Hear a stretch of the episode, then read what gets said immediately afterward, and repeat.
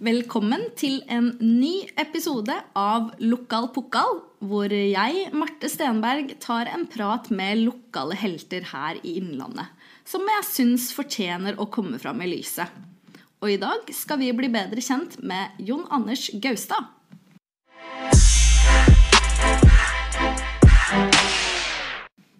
Tusen takk for at du ville komme, Jon Anders. Bare trivelig, og takk for invitasjonen. Eh, Du har vært landslagsløper i langrenn og tidligere markedssjef for langrennslandslaget.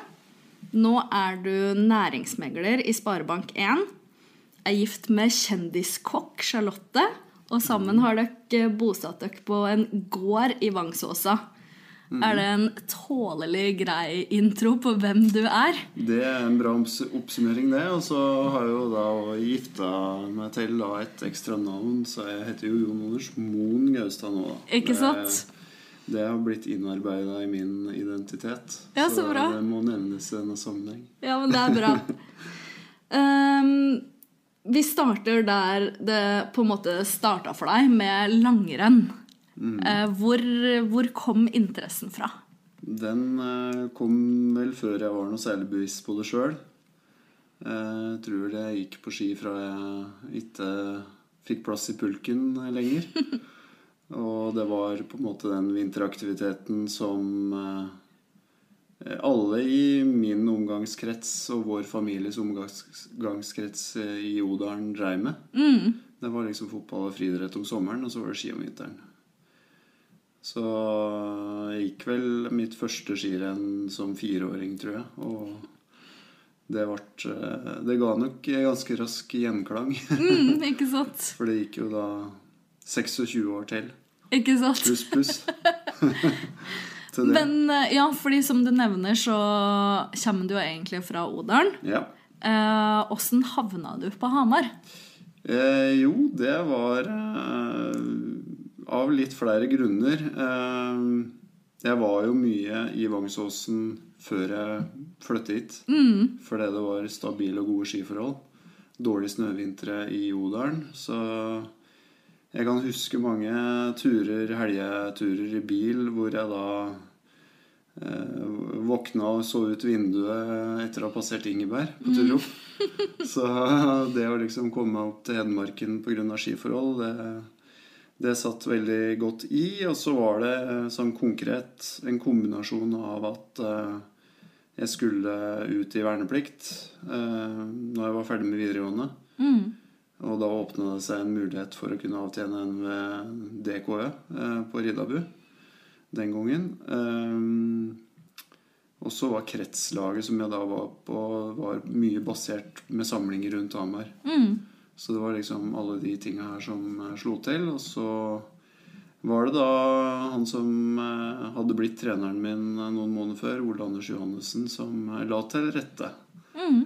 Og fiksa en av de få som da har fått leie borettslagsleilighet på fremleie, blant annet, på Ingeberg. Så det ble lagt ordentlig godt til, til rette, da. Var du liksom allerede på den tida sett på som et talent? Eh, ja, det var jo nok, for det ble på en måte i min klasse god og gjorde gode resultater som sånn 15-16-åring. Så var junioråra mine veldig opp og ned. Med sjukdom og diverse. Og trente litt for mye og gikk på snørra. Og måtte prøve igjen. Eh, mens uh, da gjorde jeg første året mitt som senior i, med base fra Odalen. Og så kom jo Hamar skiklubb på banen uh, det året og skulle dra i gang ei stafettsatsing. Ja. Så det, er jo, det var jo en del av det bildet med hvorfor jeg flyttet til Hamar. Var det, var det liksom prime time for Hamar skiklubb sånn satsingsmessig, Ja, tror du? det har jo vært litt forskjellige perioder på seniornivå. Men da, var det, da hadde det vært lenge siden forrige seniorsatsing i, i skiklubben. Så da, da var det jo fra styrehold og fra klubben en uttalt ambisjon om å satse på seniorlag. Og Hvem var dere da? Da var det jeg og Jan Egil Andresen som eh, var de som på en måte eh, Dro lasset. Dro lasset, og så hadde vi jo eh, litt forskjellige som var på stafettlaget, men Tommy Olsen var jo da en, mm. en superhelt som eh, tok tredjeetappen ganske ofte.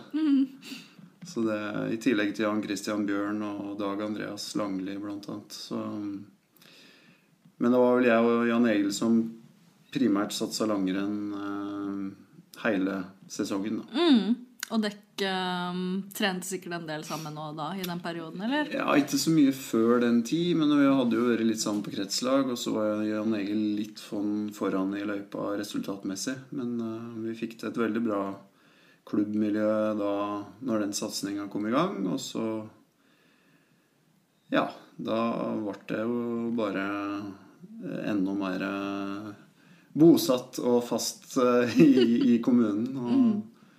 Og sjøl om jeg er odøling fortsatt, så nå har jeg jo akkurat bikka så jeg har ett år eh, mer i Hamar. Ja, ikke sant? Så jeg er vel begge deler. Eh, Hva, hva er du mest stolt av i langrennskarrieren din, da? Eh, ikke noe sånn enkeltting som jeg tenker på da, egentlig. Det er mer at jeg er stolt av at jeg gjorde et ordentlig forsøk. Det er kanskje det jeg har tatt med meg mest. At eh, når jeg da måtte, eller måtte, når jeg bestemte meg for å legge opp til slutt, så følte jeg at da hadde jeg virkelig gjort mitt beste forsøk. Og da er det på en måte Da var det med, i hvert fall etter hvert, med en slags ro at jeg kunne bevege meg over til noe annet. Hvor mange verdenscupstarter har du? Vet du? Nei, det husker jeg ikke.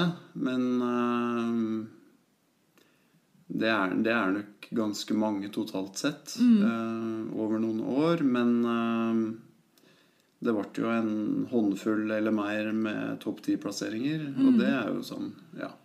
Jeg er jo stolt av det. Jeg tenker ikke så mye på det nå lenger. Men uh, Stemmer det at din beste plassering er nummer fem? ja, Ja. det gjør det. Det var på Beitostølen i 2009. Det er ikke så mange herover som kan skilte med en femteplass i verdenscupen i langrenn. Nei ja, det er et ganske trangt nåløye. Det Ja, er det fortsatt. det er det. Uh, Og sjetteplassen eh, på femmila i Kollen nå er Mm. på en måte litt sånn eh, Personlig rangerer jeg vel de omtrent like bra. Mm. Eh, nei, det er Jeg er jo stolt av de resultatene, men jeg bruker jo å si da litt til de som spør, og som kanskje ikke kjenner historikken min, at jeg, jeg drevet med langrenn, jeg var det god. eh, og da bruker jeg Jeg er ikke akkurat så skrytete, kanskje, men jeg bruker å si at jeg er en av mange i den store grå sekken av norske langrennsløpere som har vært veldig god, men aldri best. Ja, ikke sant? Den sekken er ganske stor. Ja, fy søren.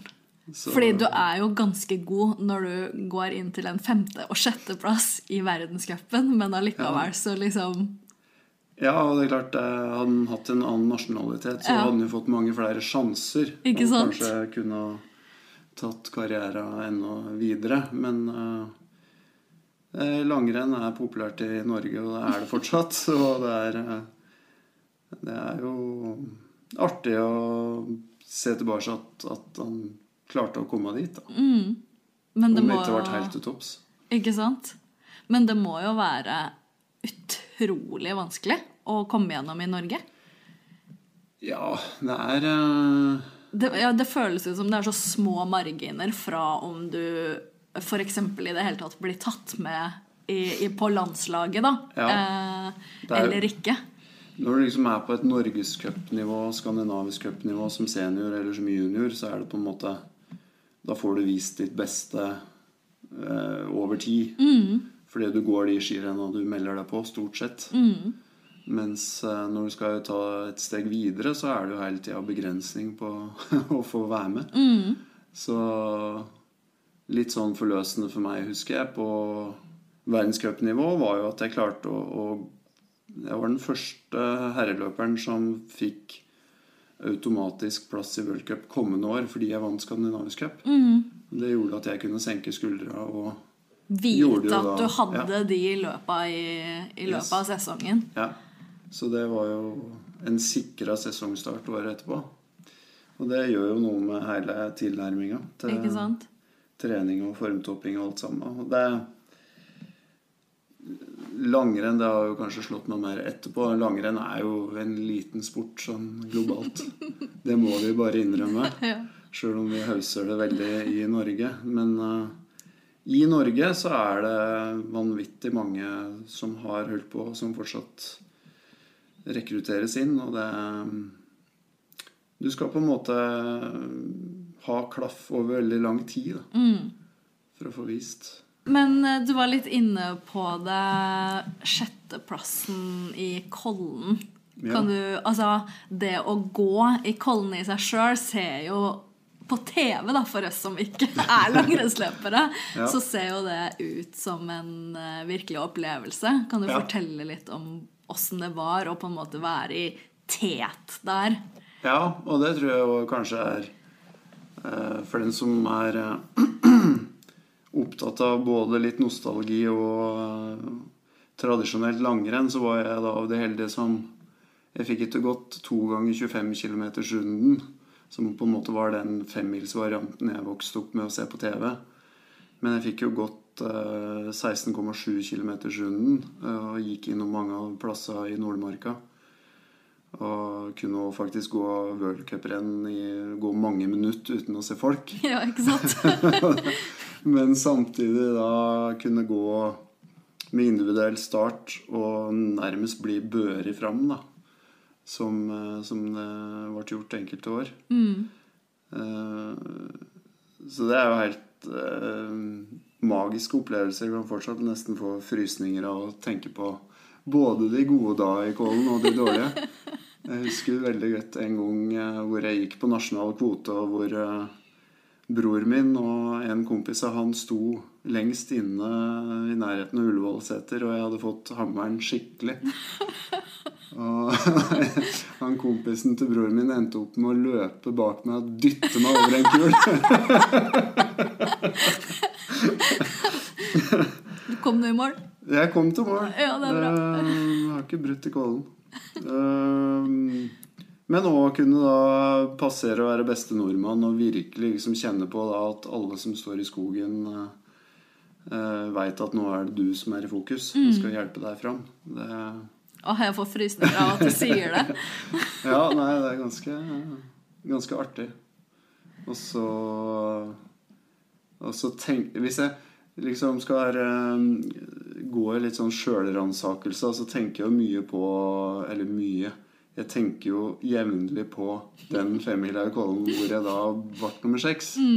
For jeg leda jo da den femmila på noen og 40 kilometer. Å. Og hvis jeg hadde vært litt mer tro mot planen da, om å liksom gå jevnt, så kunne det ikke ha blitt pall den gangen. Men da fikk jeg jo så mye gode sekunderinger, og jeg fikk beskjed om at ja, nå er du nå er du i tet, og den som er nærmest, det er Pille Kotrer, og han har fått hammeren. Så da, da fikk jeg jo så buss, så jeg gikk altfor hardt. Uff. Og det var Det var stang ut, da. Men allikevel. Sjetteplass. Så det var akseptabelt. Ja, absolutt. um, vi må jo innom noen nedturer òg i Ja. løpet av karrieren. Ganske mange å ta av. Du har hatt eh, to forsøk på å komme deg til OL, sånn jeg skjønner det, i Ja. 2006 og 2010. Ja. Og i 2006 var du i hvert fall veldig nære. ja. Da hadde jeg jo flere topp ti-plasseringer, men mangla liksom det toppresultatet. da. Men eh, det uttaket kom jo på eh, på lørdag etter duatlon på NM på Hestamoen. Og det satt i hvert fall to skuffa karer på Hestamoen den dagen. Ene var Petter Northug, og den andre var meg. Som følte vi hadde en eh, sjanse, da. Nå har vel historien vist at det var han som hadde mest grunn til å være skuffa. Ja, men hvordan var det da å være liksom Når du ser tilbake på karrieren din nå, Ja. og så veit du at du to ganger var så nære å kunne Ja. delta i OL, Ja. og så gikk det ikke? Nei I 2006 så var jeg veldig ubekymra på det, egentlig. Jeg rista av meg den skuffelsen nesten dagen etter. For da var jeg så sikker på at når jeg var så nærme i 2006, så var det så egentlig langt foran min egen plan.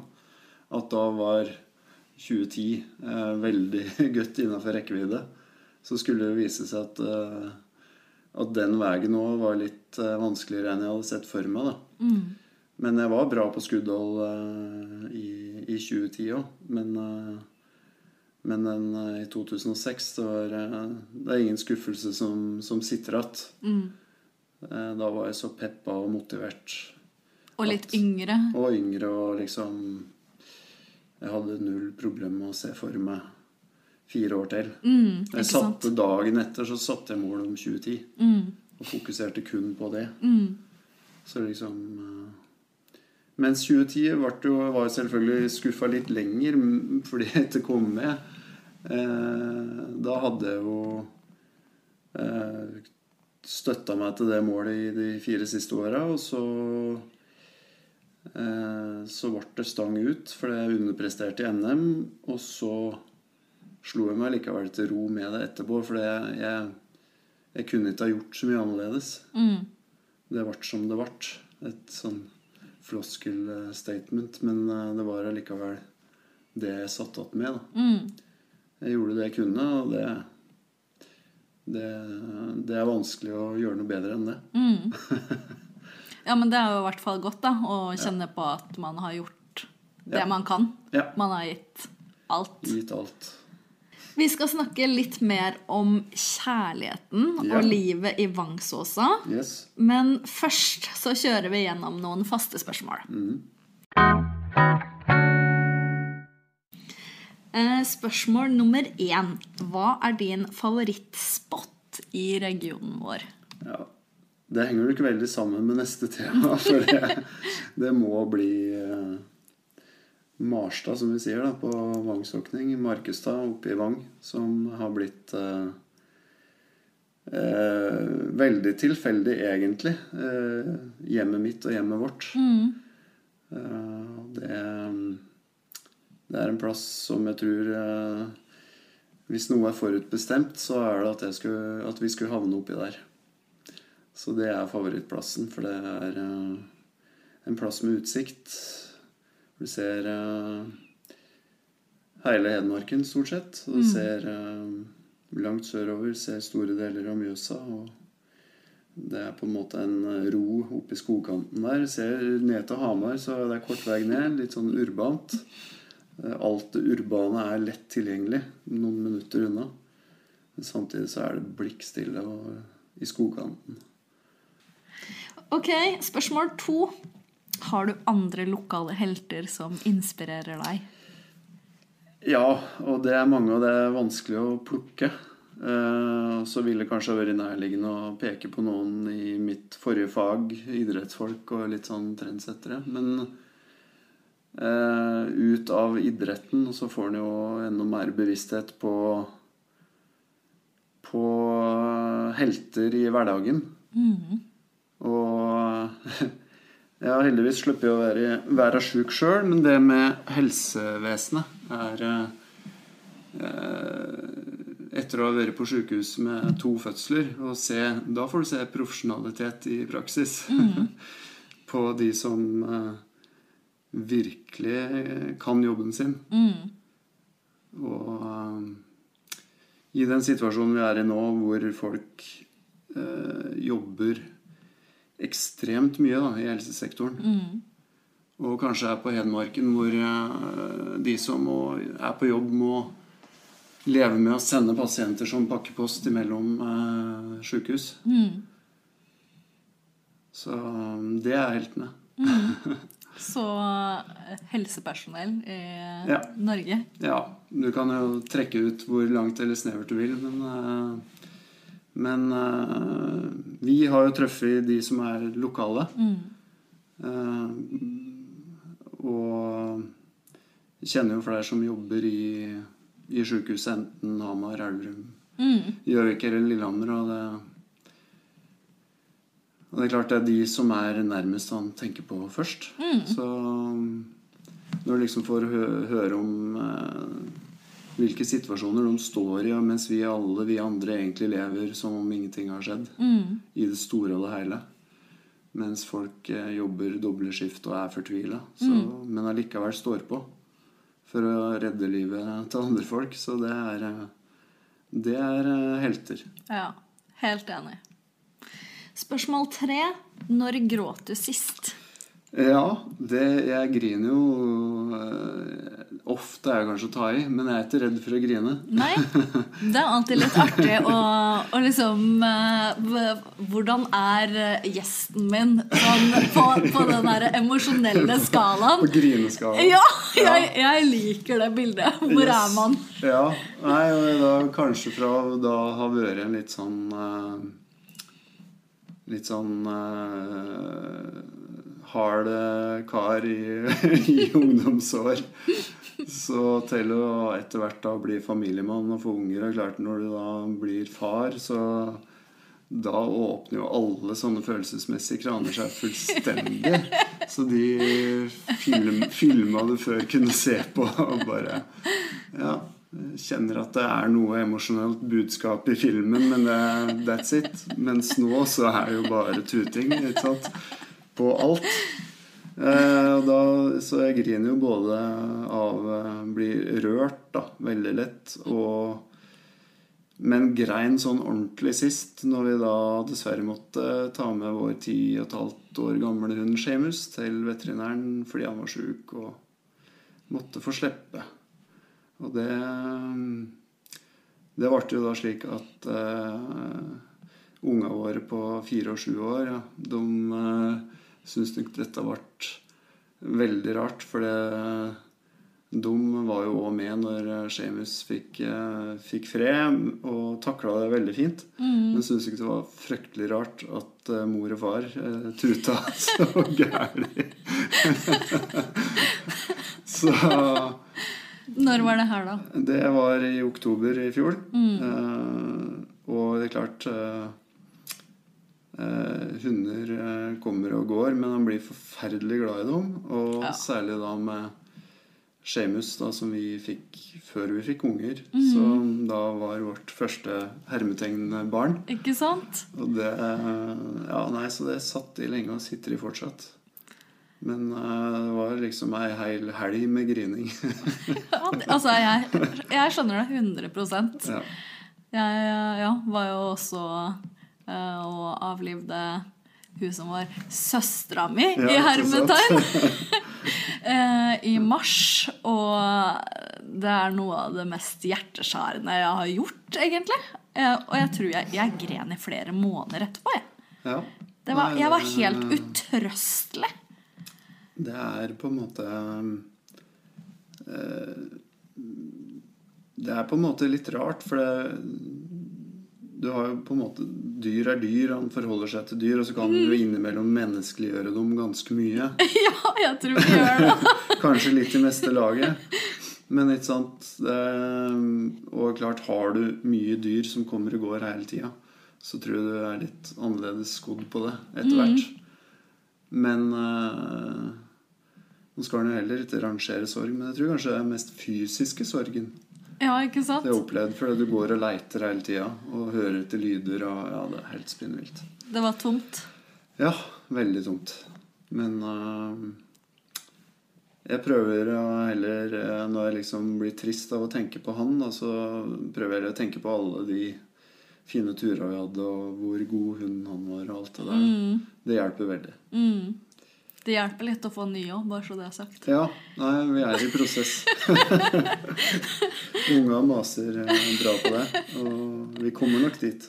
Men det verste er at nå, så når jeg ser på tida, som da bare er sju måneder nå, så gruer jeg meg jo allerede Yes. til den dagen som kommer, som Ja. at vi må ta hun. Ja. Fordi jeg husker liksom Det sitter så ferskt i minnet da hvor forferdelig det var. Ja, nei, så det er, han skal jo tenke seg om. Før Ja, man, man må det. er et stort dyr, ansvar. altså. Ja.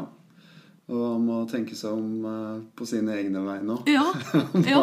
Klarer man det, liksom? Ja. Nei, men uh, det blir nok hund igjen. Ja, det er koselig. Kanskje en flatcoat. Åh.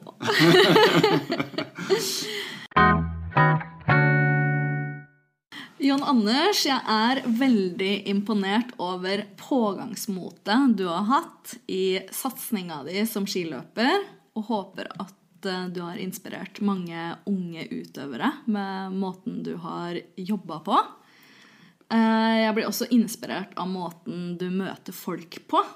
Jeg kjenner deg ikke så godt, men det er liksom alltid en følelse av at du vil meg vel når, når jeg møter deg. Eh, og du er alltid veldig koselig. Og det er sånn, jeg syns ikke man skal kimse med, med akkurat det der. Da. At det, det skal ikke så mye til for å gjøre dagen bedre for andre folk, egentlig. Bare at man møtes på en koselig måte. Hva tenker du sjøl om, om det?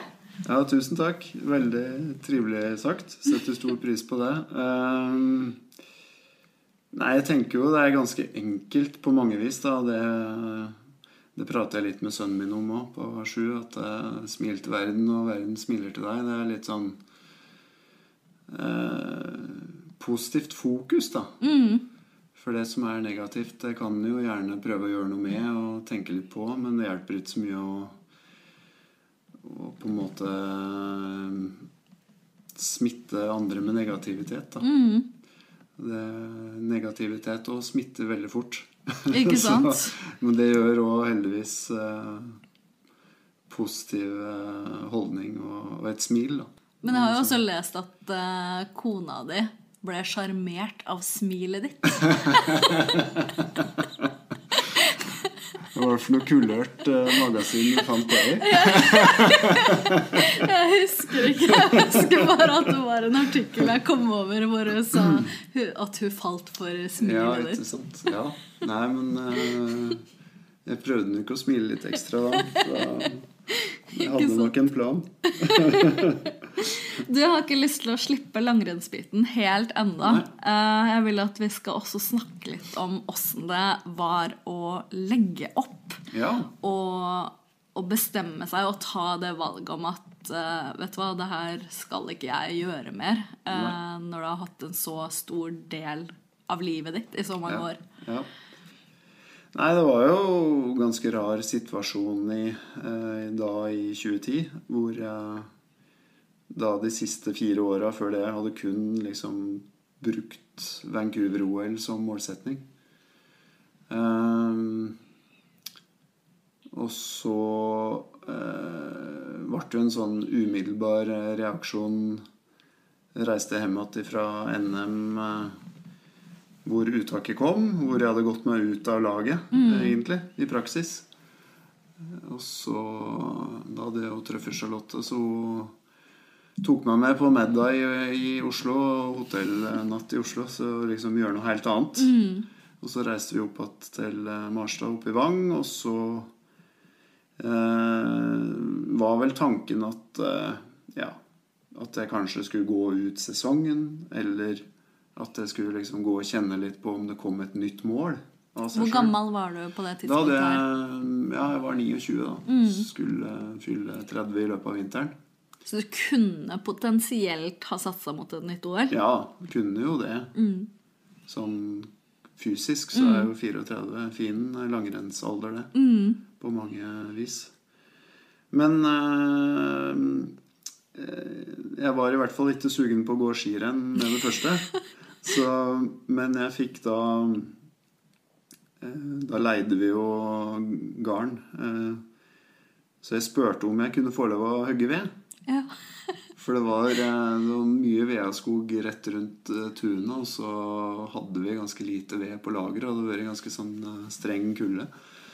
Så øh, ned til Odalen og låne motorsag og ble utstyrt med verneutstyr og og høgg ved som terapi, tror jeg.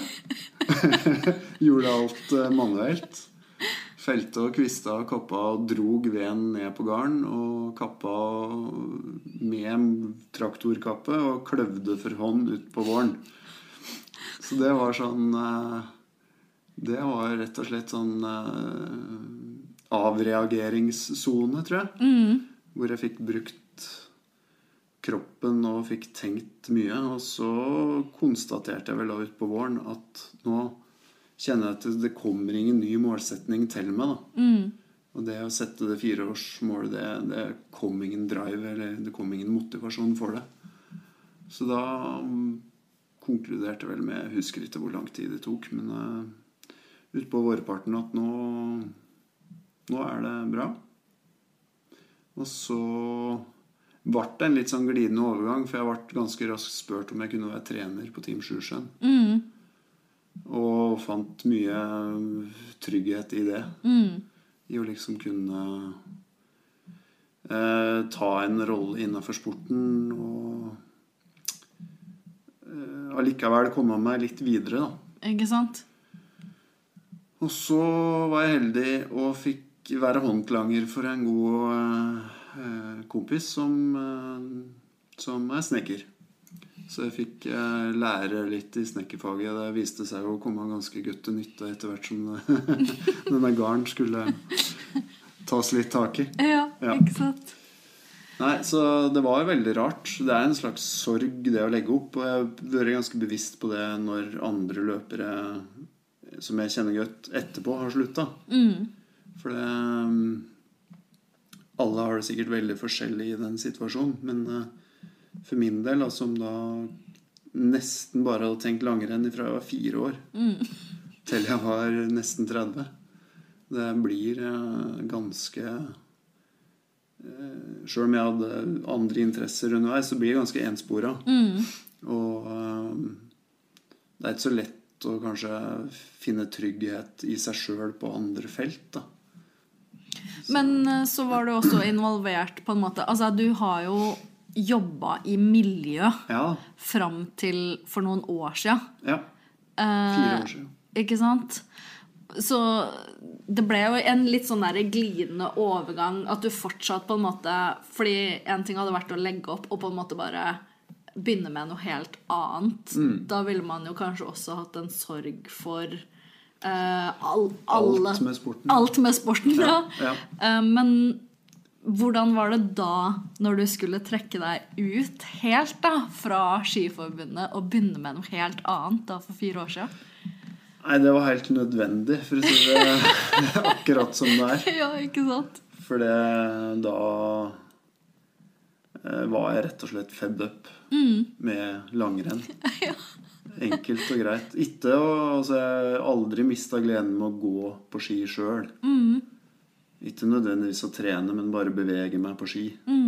Den gleden har aldri vært under tvil, men på en måte hele pakka med elitelangrenn, den eh, ble jeg veldig ferdig med, rett og slett. Ja. Så deilig å kjenne på det, da. Ja, så der er jeg fortsatt ehm, jeg, skriver, jeg prater meg nok da ut av mulig ekspertkommentatorbidrag. Men jeg har ikke sett et eneste sekund Du har ikke det, World? Cup den sesongen her. Er det sant? Og det er så godt å leve uten å måtte gjøre det. Så følger jeg jo litt med, leser litt overskriftene på NRK, liksom. Ja. På, nett, på nettsida. Men du skal se på OL? Ja, det kan nok hende. Men ikke alt. Det er veldig rart Ja. når man har vært så inn i Ja, det er det. Hele jeg syns jo kanskje det er litt rart sjøl òg, men samtidig syns jeg det er litt befriende. For det eh, Etter å ha jobba i Skiforbundet i fire år og jobba i sportsevent i Sponsorlink et par år før det, og så vært trener og så vært aktiv sjøl, så klart jeg Livet har, eh, og verden har veldig mye mer å by på enn bare langrenn. Og jeg har sett bort ifra å reise på eh, rockekonserter eh, og være sammen med, med venner, så har jeg på en måte parkert alt annet, egentlig. Fram til jeg var 30, i hvert fall. Jeg er også litt nysgjerrig på hva som skjer fysisk med en toppidrettsutøver når man legger opp. Ja. Fordi at eh, Jeg har egentlig lurt på det her veldig lenge. Altså, det er jo usunt, det Ja. toppidrettsutøvere holder på med. Å presse Mm. seg på den måten på trening over så lang tid. Ja, Eh, det kan være det, i hvert fall. Ja. Um, og så har jeg hørt også at det kan være farlig å på en måte bare legge seg ned på sofaen. Ja. Åssen Åssen ved, funker det? da. Ja, du har hogger ved, ja! Kom langt med det. Altså, er det noe opplegg, på en måte? Eller? Nei, der har vel òg idretten og Olympiatoppen og sjølransaka seg litt fra tid til annen. For det Det trengs jo kunnskap, og det trengs eh, utveksling av den kunnskapen til de som trapper av. Og det er nok veldig varierende i hva slags oppfølgingsregime og team eller landslag eller hvor du er hen. Men jeg tror det er altfor lite fokus på veiledning. Så jeg hadde litt hell i uhell, egentlig. For jeg har alltid hørt jo du må trene deg ned. Men jeg har aldri hørt hva betyr det, eller hva skal jeg gjøre. Men eh, Nei, Det er jo interessant da at du har hørt at du må trene deg ned, men ikke hva det innebærer. Nei, det er liksom Det er jo ingen i aktiv idrett som fokuserer på det. Nei. For der er jo alt retta inn mot det neste store målet. ikke sant? Ja. Så de som skaler av, de og detter av, de De glemmes veldig fort, da. Og det er kanskje riktig, sånn fra elitesatsinga sin del, men det er kanskje noe ettervern som For det handler jo om helse for Ja. veldig mange. Og vi som har drevet utholdenhetsidrett, vi får jo ofte veldig stor hjertemuskulatur. Og kan ha forvokste hjerter, rett og slett. Sånn Shit. i størrelse. Eh, Jeg var litt heldig, for når jeg da drev og hogg i Veaskogen, så mm, Så gikk jeg veldig lite på ski. Og gikk, i hvert fall, hvis jeg gikk på ski, så gikk jeg bare rolig skiturer. Så jeg bråstoppa på en måte med tøff trening. Ja. Og så, når jeg da ut, sånn før den vinteren var slutt, så fikk jeg jo lyst til å ut og så blåse ut på ski. Ja. Så hadde jeg en skiløype som gikk rett ifra tunet og, og 200 høydemeter opp på Åsa. Så jeg bare varma opp, og så bare pumpa jeg på opp der. Eh, og så begynte jeg å kjenne stakk i brøstet. Jeg tenkte søren, hva er det som skjer nå? Liksom, hjerteproblemer allerede nå. Ja. Ja, og fikk da god hjelp av eh, Tommy Olsen, blant annet, som var fysioterapeuten min da. Han fikk sendt meg til Feiringklinikken for å bare få tatt en undersøkelse. Ja. Og da viste det seg heldigvis at det var ingen fare med hjertet mitt. Det var bare muskulært i brystkassa fordi antageligvis jeg hadde eh, pusta hardt veldig lite. Ifra å da utvide lungene og brystkassa maks eh, flere ganger i uka Ikke sant? til å ikke gjøre det, så muskulaturen snurpa seg litt sammen, og jeg nå da fortsatt hadde lungekapasiteten, men ikke gjort det. Så fikk jeg litt sånn spenninger i muskulaturen i brøstet, og det kjennes jo veldig fort ut som det er hjertet. Ikke sant? Men det gjorde jo at jeg fikk en full runde på feiring med døgnmonitorering og EKG og en sånn belastningstest. Og da um, samtale med professor som forska på idrettshjerter. Og han lærte meg dette her med at eh, alle som har drevet utholdenhetsidrett, de må livet ut være innom det å ha høy puls. Det, treng, det trenger ikke å være mye, men det må være litt jevnlig. Og hva det er, det Om det er eh, to minutter en gang i uka, eller om det er fire minutter hver 14. dag, det er, det er liksom ikke noe Definert, oppskrift på det. nei. Nei. Men han sa du må, du må få brukt pumpa maks, for ellers så med ditt store hjerte så kan klaffer og alt dette her som regulerer blodflyten, det kan bli slarkete, hvis han skal si det litt. Alle dager. Og det tror jeg ikke det er så mange som veit. Jeg blir helt satt ut av at det liksom ikke er noe sånn derre uh, et, et system på Ja. hvordan man helsemessig uh, trapper ned fra så høy aktivitet. Da. Ja, og det er nok mange Det er jo mange skiløpere blant annet som har hatt hjerteflimmer og litt sånne ting, så det, det er jo absolutt noe som burde være mer kjent, da. Ok, la oss snakke om eh, noe litt hyggeligere. Ja. Kjærlighetslivet ditt. Det er bra. Så ja, det virker sånn. Eh, du er jo da gift med kjendiskokken Charlotte, som jeg for øvrig føler at også er en god kandidat til å være med i Ja, hun er en lokal pokal, altså. Det, Ikke sant? jeg hadde kommet til å foreslått det hvis du ikke hadde sagt det sjøl. Ja, men det er bra. Eh, men åssen fikk du has på hun da? Ja, det var eh, Det fins både korte og lange versjoner av det her. Den korte versjonen er at eh, jeg skulle til Oppaker gård, hvor hun da jobba på sin familie gårdshotell i Solør. Skulle dit i bryllup til en av mine nærmeste kompiser fra Oppstad i Odalen. Jeg var egentlig på høydesamling i Italia, men eh, dro hjem igjen litt tidligere for å ta med meg bryllupet. Og så ble jeg bedt om å takke for maten. Og for å få litt sånn Jeg liker å ha litt faktaorientert grunnlag. Så jeg måtte jo få prate med kokka. Det vil si, hun, hun lagde ikke maten den dagen, men hun var hovmester. Så jeg plaga hun med en haug med detaljerte spørsmål om alle rettene. Jeg visste jo hvem hun var. Ja, ikke sant? Aldri møtt henne før, men jeg skjønte med en gang jeg så henne at eh, her er det noe. Og så eh, ja, plaga jeg jo den kvelden for å få et grunnlag for denne takk for maten-talen. Og Jeg syns jo den gikk veldig bra. Eh, og så ble det da faktisk en date på Prestøya, Elverum i Glomma. Festspillkonsert. Oi! Og jeg svørte jo helt ukritisk egentlig en sånn musikalsk stor kamel for meg å kjøpe billett til Sissel Kyrkjebø-konsert. Så jeg hadde jo litt rockekred å opprettholde.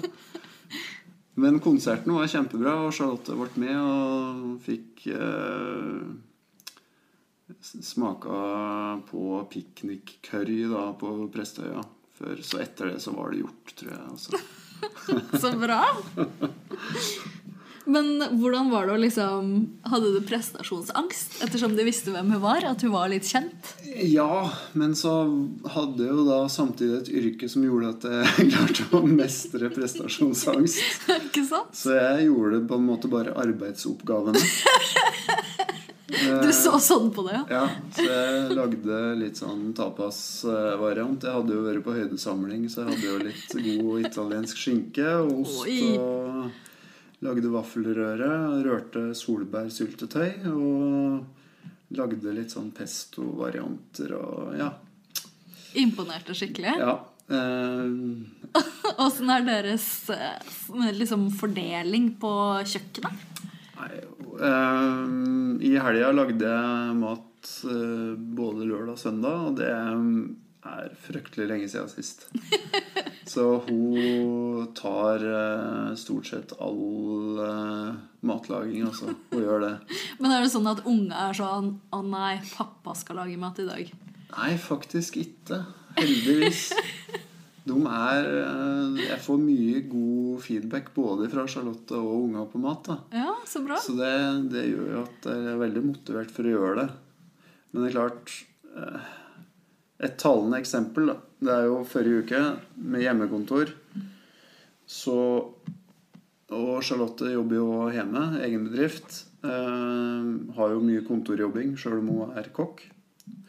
Så vi satt hvert med vårt kontorgreie, altså felleslunsj på kjøkkenet. Og så liksom tre på tolv. Begge skulle ha møter klokka tolv på Teams. Tre på tolv så finner hun på at Nei, men jeg lager den fiskesuppa vi skal ha til middag. Så i løpet av tre minutter så har hun da klart å få i gang koking og trekking av fiskekraft. Og skøre opp grønnsaker og fisk. Som da ble satt i kjøleskapet bare for å ha oppi når krafta var ferdig. Så ikke sant Jeg begynner ikke på det tre på tolv. Nei, det skjønner jeg. Jeg må gjerne ha en halv dag for å lage ei god fiskesuppe. Derfor er det klokest i vår hverdagslogistikk at eh, hun tar, eh, tar det meste av det ansvaret. Er det sånn at dere, Kan dere ha sånn vi lager mat sammen, eller blir Ja. det bare tøys? Nei, vi gjør det ikke så veldig ofte, men det er veldig stas når vi gjør det. Ja. Ja. Det er kanskje litt sånn på hytta og litt i ferier og høgtider. Hva er drømmene for framtida? Oppe på gården? Oppe på gården, ja.